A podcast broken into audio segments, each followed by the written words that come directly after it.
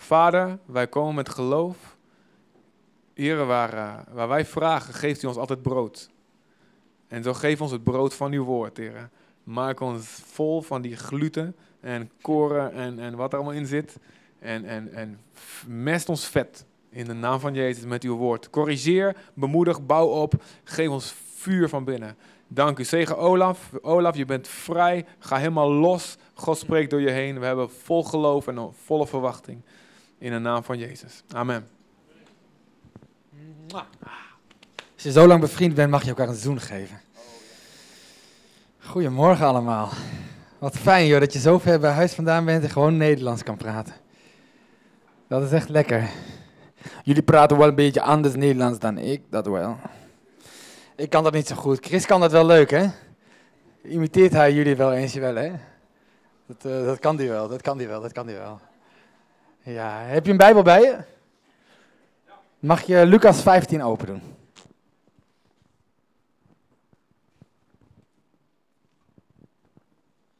Ik denk misschien wel het allerbekendste Bijbelverhaal. De verloren zoon. Wie heeft het nog nooit van gehoord, van de verloren zoon? Steek je hand op als je het niet kent. Kijk, het is vraag voor mij uh, de nodige creativiteit om tot nieuwe inzichten te komen. En uh, het is een mooi verhaal. Wat is het, Chris? Ken het verhaal niet? is niet zo te lachen, joh. Ik ben benieuwd. Oh.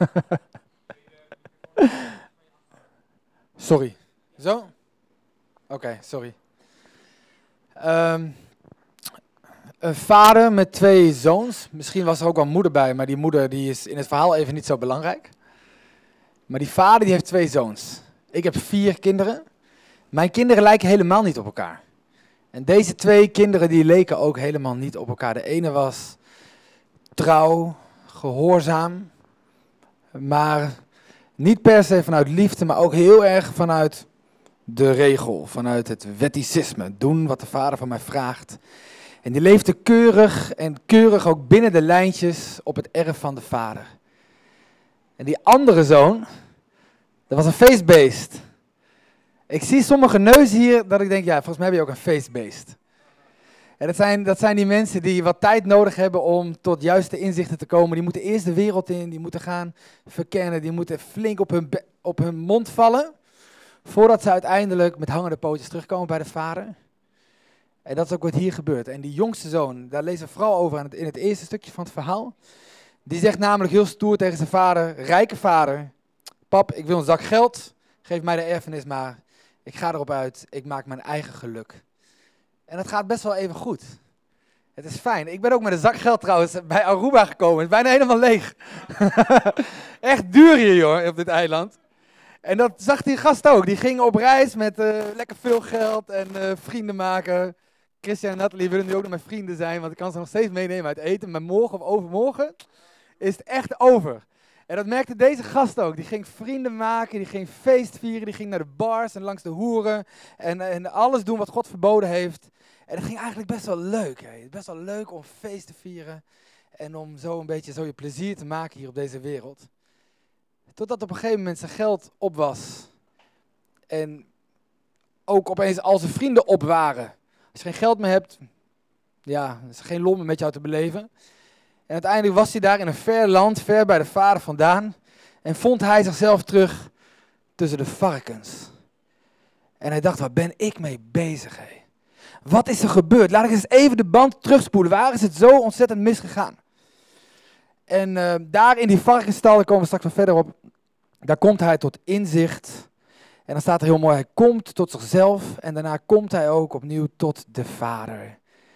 En dan lezen we, als hij thuis komt bij de Vader, lezen wij het volgende. Dan lezen wij iets over het hart van de Vader, zoals we dat volgens mij nergens anders in de Bijbel lezen. Zo emotioneel, zo vol liefde, zo hartverscheurend bijna, hoe een, hoe een vader van een kind kan houden. Dat zien we hier ook. Zijn vader zag hem in de verte aankomen en hij kreeg medelijden en hij rende op zijn zoon af en hij viel hem om de hals en hij kuste hem. De vader zei zijn zoon tegen hem, ik heb gezondigd tegen de hemel en tegen u. Ik ben het niet meer waard om uw zoon genoemd te worden. Maar de vader zei tegen zijn knechten, Haal vlug het mooiste gewaad en trek het hem aan. En doe een ring aan zijn vinger en geef hem sandalen. Breng het gemeste kalf en slacht het. Laten we eten en feest vieren, want deze zoon van mij was dood en hij is weer tot leven gekomen. Hij was verloren, maar hij is teruggevonden en ze begonnen feest te vieren. Wauw. En dan 15 vers 25. De oudste zoon, die was op het veld. Je weet wel, die andere, die trouwen, die gehoorzamen. Die was op het veld. En toen hij naar huis ging en al dichtbij was, toen hoorde hij muziek en gedans. En hij riep een van de knechten bij zich en vroeg wat dat te betekenen had. En de knecht zei tegen hem, uw broer is thuisgekomen en uw vader heeft het gemeste kalf geslacht omdat hij hem gezond en wel heeft teruggevonden. Hij werd woedend en hij wilde niet naar binnen gaan. Maar zijn vader kwam naar buiten en trachtte hem te bedaren. En hij zei tegen zijn vader, en dan zie je de bitterheid, al jaren werk ik voor u. En nooit ben ik u ongehoorzaam geweest als u mij iets opdroeg. En u hebt mij zelfs nooit een geitenbokje gegeven om met mijn vrienden feest te vieren. Maar nu die zoon van u is thuisgekomen, die u vermogen heeft kwanselt aan de hoeren, hebt u voor hem het gemeste kalf geslacht. En dan het hart van die vader, die kijkt hem aan vol liefde.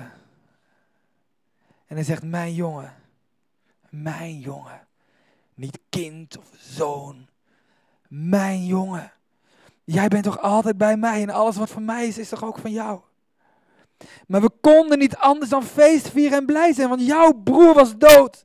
En hij is weer tot leven gekomen. Hij was verloren en ik heb hem teruggevonden. Weet je, dit verhaal gaat over een God die van je houdt. Een vader die jou zo, zo, zo lief heeft. En, en als jij pijn hebt in je leven, dan heeft de vader ook pijn. En in de aanbidding voelde ik dat wel. Ik moest een traantje wegpinken.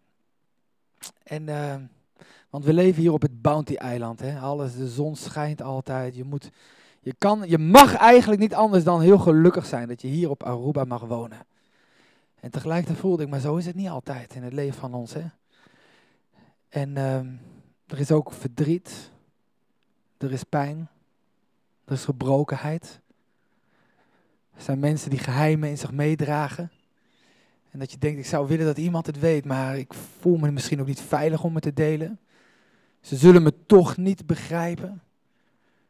En dan zit je daar ergens in zo'n ver land en ver van huis. En eigenlijk zou je wel zo'n knuffel uit de hemel willen ontvangen. Zo'n vader bij wie je uit kan huilen. Dat je zegt, heer, ik, ben hier, ik, ik weet het ook allemaal niet meer. Maar als u van mij houdt, dan ren ik naar u toe. Weet je, er is zoveel gebrokenheid. Voel je, wie voelt zich echt veilig hier in de gemeente? Mag ik je vinger eens zien? Voel je je veilig hier in de gemeente? Om ook je hart te laten zien? Dat is belangrijk. Ik hoop dat als God je vandaag aanspreekt, dat je ook straks hier naar voren komt. Dat iedereen het mag zien. Want dit is Gods gezin. En in Gods gezin kunnen we het best, maar kwetsbaar zijn. En open en eerlijk. Want we zijn met elkaar een gebroken stelletje kerk. Hé. Struikelend gaan wij achter Jezus aan. We hebben allemaal zo onze zorgen, onze zonden, onze rotzooi. En als we het openbreken, dan kan de Heilige Geest daar ook inkomen, toch?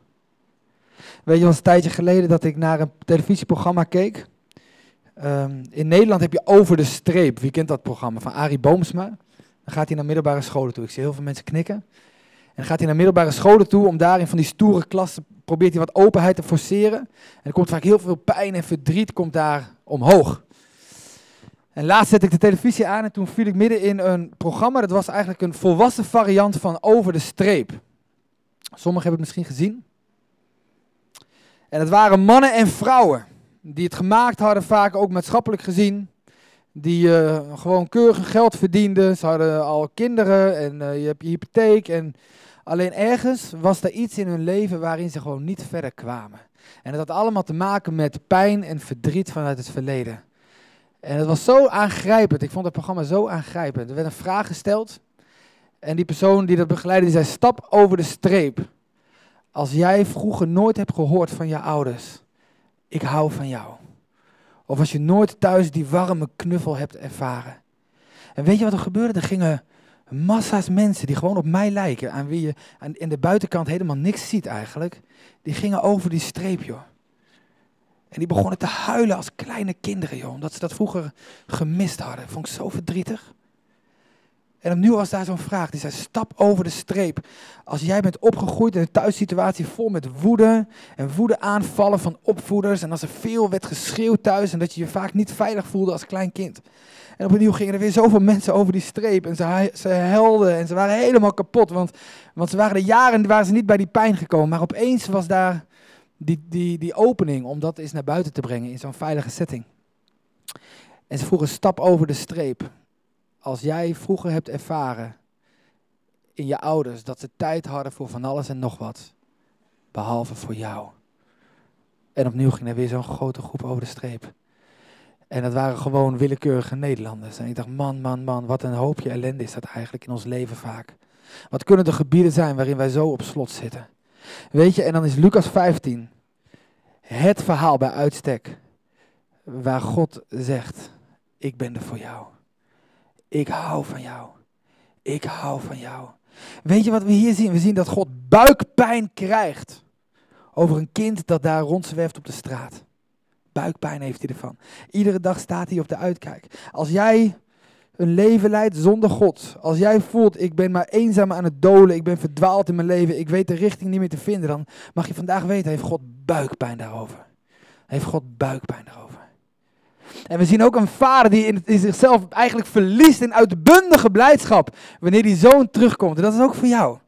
Als jij vandaag voor het eerst misschien met je pijn en met je gebrokenheid en je verdriet en, en die kant van jezelf die je liever maar niet laat zien, als jij daarmee naar de vader komt, dan rent die vader op je af. Hij verliest zichzelf in uitbundige blijdschap. Is dat niet mooi? Dat is het hart van de vader voor jou. Hij houdt van je. Of je nou verdient of niet. Of je nou voelt of niet. Of je nou weet of niet. Of je nou gelooft of niet. Die vader die houdt van jou. Met een volkomen liefde. Hij is liefde. Je hoeft het niet te verdienen.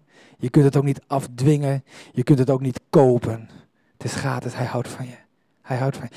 Als we dit verhaal goed willen begrijpen, dan moeten we even kijken naar de aanleiding. Waarom vertelt Jezus dit verhaal? Dit is geen geschiedenis, hè? dit is niet echt gebeurd. Dit is een gelijkenis, een verhaal dat Jezus vertelt om iets duidelijk te maken. En aan wie maakt hij het duidelijk? Aan de fariseërs. En de aanleiding is als volgt. Dat lezen wij in Lucas 15, vers 1 en 2. Dan zien we namelijk Jezus die daar aan het chillen is met tollenaars en zondaars. Dat deden de fariseeërs nou nooit. Die chillden nooit met, met zondaars en met tollenaars. Die chillden vooral heel veel met elkaar. En die waren altijd aan het debatteren over belangrijke bijbelse thema's met dikke bijbels onder de hand, onder de arm. En Jezus was voor hen echt een vreemde eend in de bijt. Jezus ging naar de randen van de samenleving toe. En hij ging om met mensen die op klaarlichte dag deden wat het daglicht eigenlijk helemaal niet kon verdragen. Hoeren, zondaars, tollenaars. En blijkbaar voelden deze mensen zich zo op hun gemak bij Jezus, niet afgewezen, niet gelijk helemaal veroordeeld, maar juist op hun gemak geaccepteerd. Of vanuit die acceptatie ook wel te leren om een nieuw leven te leiden, dat dan wel. Maar niet gelijk met de wijzende vinger vanuit de kerk. En die fariseeërs die snapten dat niet. En dan staat er in vers 1 dat Jezus aan het chillen is met de tollenaars en met de zondaars.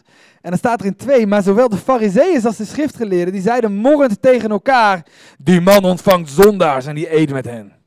Nou, dat kan natuurlijk niet. Als je een echte christen bent, dan ontvang je geen zondaars en tollenaars. Dat mag niet, namelijk. Dat past in ieder geval niet in het geloofssysteem van deze fariseeërs. Je moet weten, die fariseeërs die wisten heel veel van de Bijbel, hoor. Dat wel. Die wisten waarschijnlijk meer dan jou en mij misschien bijna net zoveel als Christian wisten van de Bijbel. beetje paaien, hè? Ja, een beetje paaien. En, uh, is, en verheven is de God. En dat is allemaal waar, hè? Waarvan de Bijbel ook zegt, ontoegankelijk licht bewoont. De God die altijd op afstand is. Waar je eigenlijk afstand is Jezus. Jezus, die zijn kerk heeft omging met schoren en hen probeerde een nieuw leven te laten leiden, zodat ze uiteindelijk ook school van de fariseërs. En Jezus trok met hen op. En dat kon niet. Dan zeggen ze, deze man ontvangt zondaars en eet met hen. En dat moet God zijn, dat moet een gezonde Messias zijn. Een lachertje. Dat kan nooit. Opgegroeid in dat verlaten noorden van Israël. Een timmermans zoon. Een pseudo-theoloog die nooit de school heeft gevolgd die wij wel hebben gevolgd, dat kan nooit Gods zoon zijn. En ehm, weet je, ik heb wat bijbelstudie gedaan en dat woord ontvangt is een, is een woord wat niet zo vaak voorkomt in het Nieuwe Testament. Deze, deze man ontvangt zondaars en eet met hen. Dit is een heel beladen woord. Als wij de liefde van Jezus willen begrijpen, dan moeten we eigenlijk hier even op inzoomen. Want wat hier staat, wat ze zeggen, is deze man ontvangt zondaars. Daarmee bedoelen ze niet, hij gedoogt zondaars. Daar zouden ze mee kunnen leven, hè? Zo zondaar, kom nou maar eens kruipend naar mij toe. En ik, ik gedoog het dat je bij mij in de buurt komt. Nee. Dit is een hunkering, een verwachting. Eigenlijk staat er, Jezus verwacht zondaars. Iedere dag is de tafel gedekt dat als te ontvangen. Het woord komt ook voor in Lucas 2, vers 25. Van de Messias verwachten. En dat is hetzelfde woord. En weet je, dat was een verwachting. Was dat het enige thema in zijn leven? De komst van de Messias. En, en God had hem beloofd dat hij die komst van de Messias zou meemaken. En iedere dag was hij erop gefocust dat de Messias was een klein kindje in de tempel. Ja, dan is, zijn, dan is zijn missie geslaagd. Dan kijkt hij naar de hemel en zegt hij, Heer, nu kan ik waarlijk sterven. Nu kan ik waardig sterven, want nu heb ik met eigen ogen de Messias gezien. En weet je, zoals deze Messias uitzag, of zoals Simeon uitzag naar de Messias, zo ziet Jezus uit naar zondaars en naar tollenaars. Bijzonder, hè? Vind ik bijzonder. Het woord komt ook voor in Lucas 12, vers 38. Dan staat er dat wij moeten uitzien naar de komst van de Heer Jezus. Dan bereidt Jezus zijn leerlingen voor op de eindtijd. En dan zegt hij, wees als die knecht die klaar staat wanneer hij komt. En dat woord dat klaarstaan, die verwachting, dat is weer hetzelfde woord wat hier gebruikt wordt. Zoals wij moeten klaarstaan en moeten uitzien naar de komst van de Heer Jezus. Wist je dat trouwens? Heel veel gelovigen gaan zo door het leven. Ja, het zou me eigenlijk een worst wezen wanneer hij terugkomt. Ik leef mijn leventje wel een beetje en het boeit me eigenlijk niet zoveel. Nee, Jezus wil dat wij al onze middelen, onze mogelijkheden, onze talenten, onze liefde inzetten voor zijn naderende koninkrijk. Amen. Amen. En zoals wij mogen uitzien naar hem, zo ziet hij ook uit naar ons. Naar jou en naar mij en iedereen. Eigenlijk wat die fariseeërs ook zagen daar. Deze Jezus die gedoogt niet alleen maar zondaars, maar die ziet echt actief. En zij waren hier aan het praten over Jezus. En dan in vers 3, dan komt Jezus naar hen toe. Altijd met je in gesprek gaan. Misschien ben jij ook wel zo'n iemand die zijn oordeel heeft over van alles en nog wat. En dan vertelt hij drie verhalen waarin hij een iets uitlegt over de liefde van Jezus. Het eerste verhaal is die is. En dan staat er dat wanneer hij hem heeft teruggevonden, dat hij zo enthousiast is. Eén keer komt, dan 99 rechtvaardigen die geen inkeer denken nodig. Die dat muntje kwijt is. Gaan de belletjes rinkelen? Ik moet eerlijk zeggen, ze ja, waarschijnlijk was het een heel belangrijk muntje uit de, uit de, de, de, de trouwschat, de bruid. Ik denk, ja, muntje. Pak een ander muntje. Maar dit is een heel belangrijk muntje. En in mijn vreugde, want ik heb mijn muntje teruggevonden. En dus zo heerst er ook vreugde onder de engelen van God over één zondaar die herder enthousiast was. Zo is God enthousiast over iedere zondaar die, die tot inkeer komt. Gedoogd vanuit zijn strenge hoge stoel. Maar dat hij zo graag de gelijkenis over die vader. Ik vraag me wel af, toen Jezus dat verhaal verteld had over die vader. Ik denk niet dat ze het begrepen hebben, eerlijk gezegd. Want in hun geloofssysteem en, en het, het leven volgens de regeltjes en proberen daarmee, dat zegt in Filippenzen 3. Ook hij was een fariseeër van de bovenste plank. En op een bepaalde hemel en opeens wordt hij geconfronteerd met de liefde van Jezus. En later kijkt hij terug op zijn ouders. Maar ik had een hart van steen. Ik wist precies wat er in de Bijbel stond. Ik had de besnijdenis, ik had de voedselwetten, ik had de Sabbat, ik had alles. Maar ik wilde maar één ding. Ik wil de kracht van Jezus in mijn leven. Iedere dag. En? Dat is mooi. Oké, dan gaan we verder naar het verhaal van de verloren zoon. Dus ik heb het zelf vanuit mijn eigen gebed heb ik het voorbereid. Dat je iemand bent die van Jezus buikpijn krijgt over alles waar jij pijn over hebt. Die weet dat God heeft bij het hart van de Vader. En dat is ook wat Jezus wilde over die fariseeërs. Hij vertelde die verhalen niet om hen echt niet te liever dan dat ook die oudste zoon, die fariseeërs, dat die gevonden zouden worden. Want weet je erg veel in dit verhaal. Het enige wat telt is, ben jij verbonden met de liefde. Je kunt christelijk zijn opgevoed, je kunt een christelijk leven leiden zonder dat je echt de liefde terugkomt met hangende pootjes. En dan iets over die vader. Dan medelijden en hij rende op zijn zoon af. Eerst even tot zover. Niet zomaar een vader, dit was een hele rijke vader. Een groot grondbezitter die een En, en die dagloners hadden ook op zijn erf allemaal hun eigen vertrekken, want in overvloed. Hij zorgde goed voor al zijn personeel. Een thuis en die muzikanten beginnen gelijk te, te spelen, die waren daar al. Dit man met wat grijs haar zo achterover, met van die ringen. En de grote baas even komt, je bent voor hem aan het werken en hij komt even in dat vertrek binnen waar jij aan het werken bent, dat je extra had je best. En weet je, als ik dan nadenk over zo'n statige man, hè, dood bent, dan loop je namelijk met een beetje zo met de borst vooruit zo, een beetje zo schouders recht. Dat is rennen. Heb jij ooit, hoe heet jullie? Die zit zo, die heeft alles onder. Er zijn anderen die rennen voor hem, maar hij rent niet, hè? Hij is echt een hele hoge nood. Moet heel nodig naar de wc. of hij is echt begint te rennen. Hij ziet zijn zoon de vette aankomen. En hij vergeet eigenlijk hoe statig die is, hoe groot hij is. En hij rent zomaar op zijn zoon af. En ik kan me voorstellen, al het personeel even zo het werk neerlegt van, God, wat gebeurt daar nou? Dat kan toch eigenlijk niet? En Jezus verzint dit verhaal om iets duidelijk te maken over hoe, God, hoe Gods hart uitgaat naar jou en naar mij. Is toch mooi? En dan staat er niet alleen maar dat hij op zijn zoon afrent. Kijk, had Jezus ook kunnen doen. Hè? Hij had kunnen zeggen, hij rende op zijn zoon af. En toen liepen ze samen weer zo terug naar huis. Zo. Nee, weet er moest ook gezoend worden. Als je verder kijkt, dan zie je, hij rende op zijn zoon af. En hij gaf hem een hele dikke zoen. Super. Wat een God. Die op je afrent, die je knuffelt en die je zoent omdat hij zoveel van je houdt. Niet omdat je het verdiend had, want ja, weet je, die jongste zoon die had best wel wat, best wel wat brokken gemaakt. Hè? En uh, die jongste zoon die voelde zich daar ook wel schuldig over. En bij de, in de varkensstal komt hij ook echt tot bekering. Hè. Dan, dan is daar echt. En dan zegt hij: Ik zal naar het huis van mijn vader teruggaan. En hij had zijn hele speech had hij al voorbereid. Vader, van, dag, van de dagloners. En dan komt hij terug en dan krijgt hij eigenlijk niet eens de kant om die spijtbetuiging af te maken. Helemaal klem in die knuffel van de vader. Dat is toch mooi? Dat is de liefde van de vader, joh. Speech wel heeft voorbereid. Ik zie hier geen goedkope genade in. Oh nee, hij ging heel diep, joh. Hij zat in die varkenstaal en hij wist, ik heb het echt verknuffeld. Misschien mag ik nog behandeld worden als een van de dagloners. En dan opeens wordt hij geconfronteerd met die knuffel uit de hemel. Is dat niet mooi? Weet je wat wij hieruit kunnen leren? Dat als onze kind niet alleen maar de preek en de straf, soms moet dat een beetje draken. En toen zei ik, Teerse, ga jij maar eens even lekker naar je slaapkamer toe. ik stond op de gang en dacht, ach, arme schat toch. En ik, kwam, ik ging daar naar binnen toe, voordat ik wilde dat ze sorry zei gaf ik haar zo die lekkere knuffel, hè. En Sana, jij, zei ze toen. en dat is wat hier ook gebeurt. Dit is echt, weet je, deze knuffel die is fijn, maar die legt ook wel een pijn bloot. Hè? Ik zie daar ook de pijn van een vader die kapot ging op de straat. Herken je die pijn? Er zitten ook mensen die die pijn herkennen. Je zou zo graag willen dat je kind niet weg was gegaan. Dat, die, dat je kind nog steeds in de familie van God was. Maar je kind maakt andere keuzes. Dat is een pijn, jongen. Echt, hè? Dat is een pijn.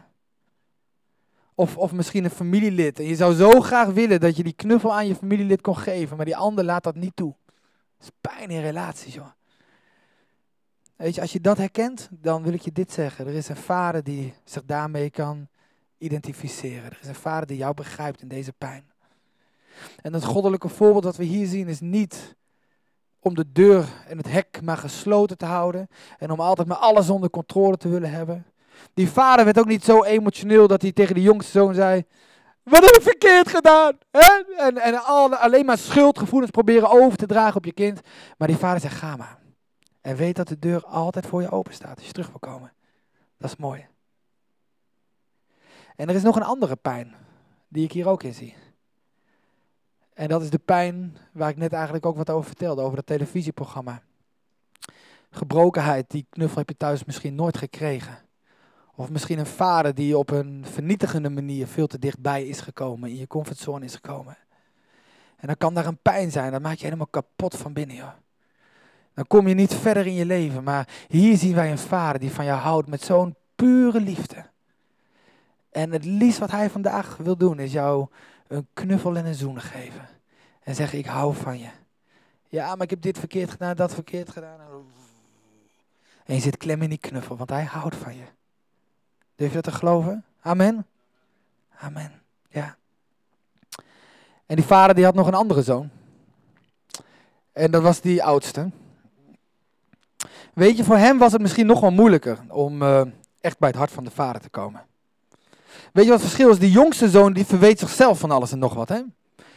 Die wist, ik ben fout. Ik ben schuldig. Ik verdien dit niet. Maar die oudste zoon die verweet zijn vader van alles en nog wat. Die dacht, ik ben goed en ik doe alles goed en ik doe alles volgens de regeltjes. Maar mijn vader lijkt het niet te zien. Ken je die pijn? Misschien zit je hier, je kent die pijn. Heer, het lijkt wel alsof u iedereen ziet. En het lijkt wel alsof u van iedereen houdt, behalve van mij. Oeh, die bitterheid die komt eruit, jongens. Echt, hier in vers, vers 28. Hij werd woedend en hij wilde niet naar binnen. En dan in 29, hij zei tegen zijn vader, voel de bitterheid. Al jaren werk ik voor u. En nooit ben ik u ongehoorzaam geweest als u mij iets opdroeg. En u hebt mij zelfs nooit een geitenbokje gegeven. En dan die liefdevolle woorden van die vader, ook voor dit kind van hem. Dat hij hem aankijkt en dat hij zegt, mijn jongen, mijn jongen, ik hou van je. Ik hou van je. Alles wat voor mij is, is ook voor jou. Kom op. Maar jij bent altijd bij mij. Jij bent altijd bij mij. Er werd net in een van de gelijkenissen ook gezegd. Sommige jongste zoons die komen thuis. En dan is daar zo'n momentum in de tijd. En dan opeens ben je thuis en het lijkt alsof de hemel zijn vizier volledig op jou richt. En ja, en jij zit daar maar als christen die al jaren gewoon lekker meehobbelt op het christelijke pad. Je kunt wel denken, ja weet je, nu gaat het weer over die. En nu weer over die. Maar ik heb geen bijzonder verhaal of zo in mijn leven. Die oudste zoon had ook niet zo'n bijzonder verhaal in zijn leven. Maar dat betekent niet dat God minder van je houdt. En dat betekent niet dat jij die knuffel niet van tijd tot tijd ook nodig hebt. En ik denk ook dat hier twee zoons van de vader wel in de zaal zitten. Die jongste zoon zit hier. En je zit hier, maar je hart zit hier niet. Probeer eens heel dicht bij je hart te komen. Je zit hier wel. Maar er zijn gebieden in je leven waarin je eigenlijk bent afgereisd naar een ver land. Ver bij de vader vandaan. Misschien, het, misschien wel het land van de zonde. Er zijn patronen in je leven en je weet dat is, niet, dat, is, dat is niet goed. Daar kan God niet bij komen met zijn licht. Dan ben je afgereisd naar een ver land. Lieve broer, lieve zus, echt waar. Misschien verborgen geheimen. Die je aan niemand durft te vertellen. En waar God ook niet bij kan komen. Dan ben je afgereisd naar een ver land. Ver bij de Vader vandaan. En weet je wat mijn gebed vandaag voor je is? Dat je net als die jongste zoon, dat je tot jezelf komt. Die jongste zoon die kwam tot zichzelf. Die dacht, waar ben ik mee bezig? Er is een vader en die houdt van mij. Wat doe ik in dit gekke vreemde land? Allemaal geld is op. Het is een doodlopende weg zonder hem. Want ik ben, ik ben, ik ben geboren om, om te, op te groeien op het erf van mijn vader. En niet hier, buiten, buiten zijn voorziening om. En dan vind ik het zo mooi dat die jongste zoon, die staat op. En met dat hij opstaat, ziet de vader hem al. Vind ik interessant. Hij is eigenlijk in een ver land. Maar je leest niet dat hij eerst al die landen weer terug moet en zo op weg naar het huis van de... Hij staat op en de vader ziet hem aankomen. Dat is interessant. En je kunt nog zo ver bij de vader vandaan zijn op dit moment. Maar als jij vandaag opstaat, dan ziet de vader je gelijk. Dan ziet hij je. En weet je wat hij dan doet? Dan rent hij naar je toe. En dan geeft hij een knuffel en een zoen. Want hij houdt van je. Met zijn hele wezen houdt hij van je. Dat is de vader. Maar er zitten hier misschien ook wel oudste zoons. En uh, weet je, we gaan, vanmiddag gaan we ook mensen dopen.